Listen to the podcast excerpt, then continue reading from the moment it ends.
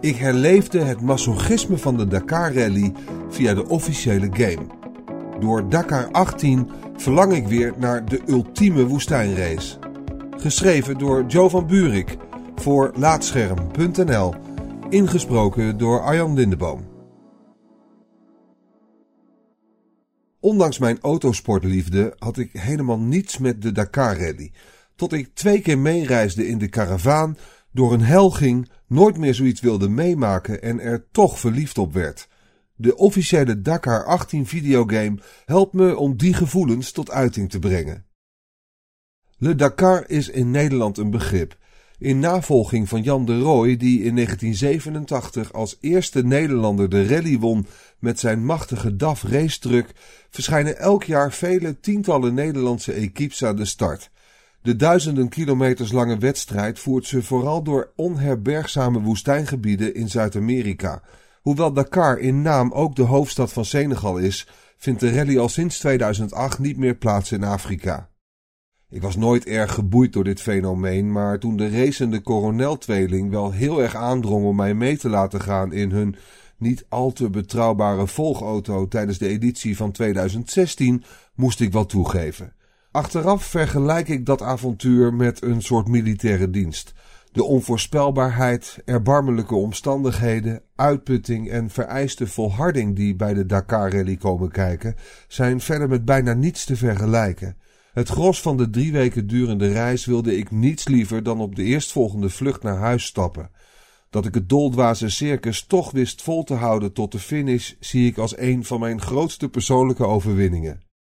Een jaar later ging ik weer mee, ditmaal echter met de marginaal beter georganiseerde journalistenkaravaan, zodat ik aanzienlijk minder vaak strandde in de woestijn en des te meer gelegenheid had om met coureurs, organisatoren en andere Dakar diehards te spreken over alle belevenissen. Langzaam maar zeker wist de charme van Le Dakar mij ook te raken. Ik ben me zelfs gaan afvragen hoe het nou zou zijn om een keer zelf mee te racen. Aangezien het me ontbreekt aan de financiën nog de connecties om dat zomaar te realiseren, is de officiële game Dakar 18 mijn beste kans om wedstrijddeelname te simuleren. Achter het stuur van een auto, buggy, truck, motor of quad leg je per etappe vaak honderden kilometers op tempo af.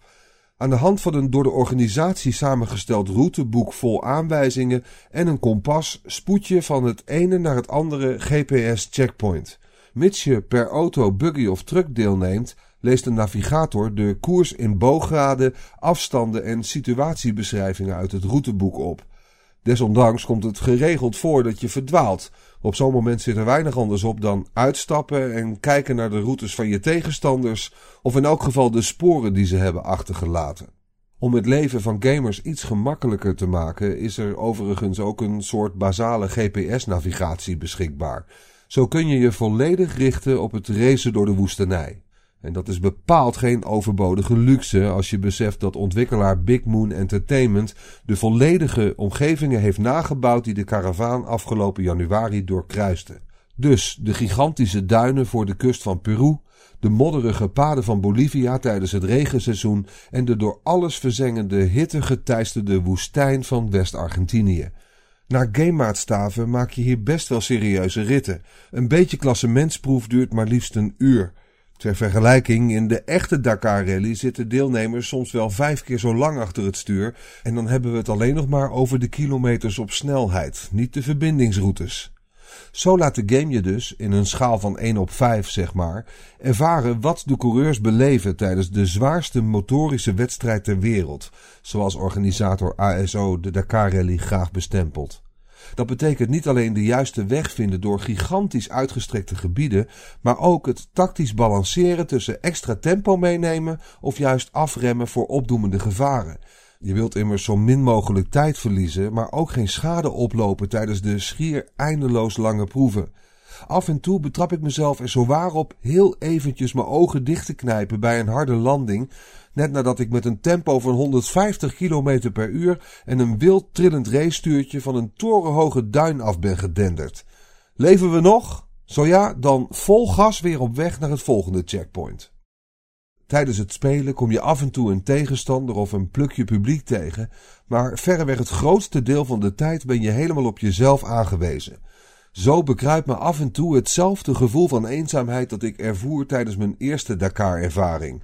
Ondanks het gezelschap van de coronelteamgenoten in de volgauto voelde het geregeld alsof ik helemaal op mezelf was aangewezen.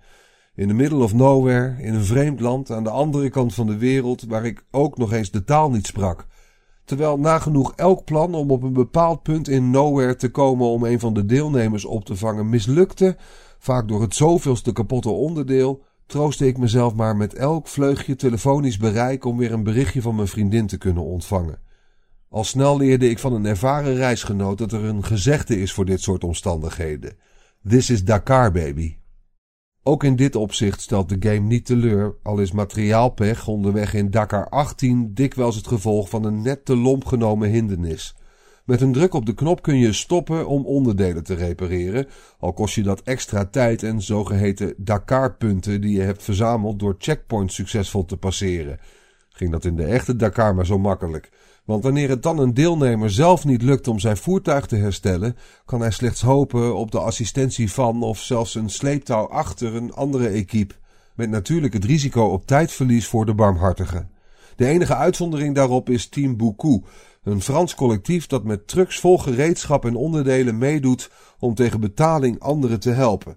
Een soort verzekering om te zorgen dat je voor de start van de volgende etappe nog aan de finish van de vorige komt, anders volgt namelijk disqualificatie.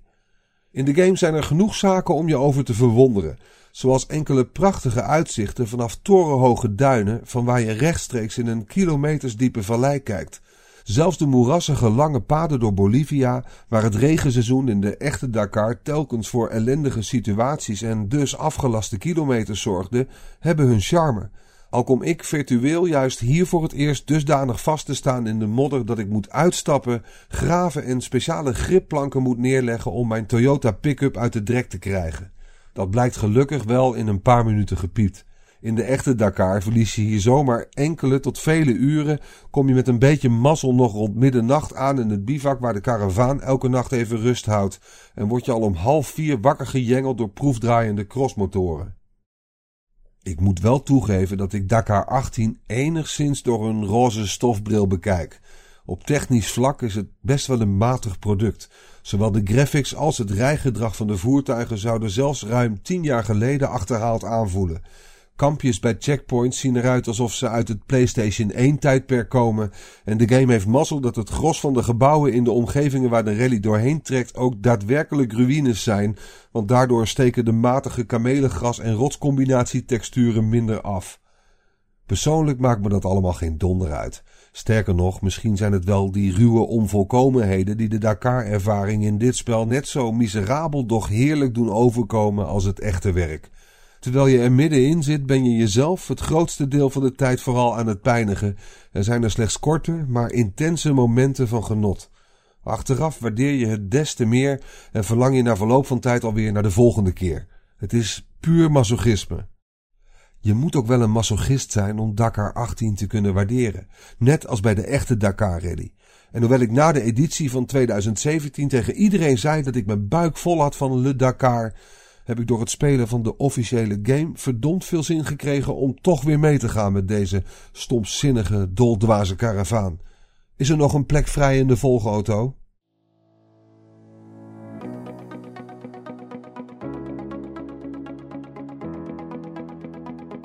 Dankjewel voor het luisteren naar deze aflevering van Laatscherm voorgelezen. Als je waardeert wat we hier doen, dan zouden we het leuk vinden als je iemand anders vertelt over Laatscherm.nl of een van onze verhalen deelt op social media.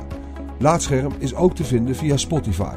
Dat maakt het nog makkelijker om verhalen te beluisteren en te delen. Je kunt ook heel eenvoudig 5 sterren achterlaten in de podcast-app van Apple en eventueel een tekstje, waardoor we weer beter vindbaar worden voor anderen. Luister ook naar onze andere podcast, Praatscherm, en ga voor meer verhalen, geschreven of gesproken, naar laatscherm.nl.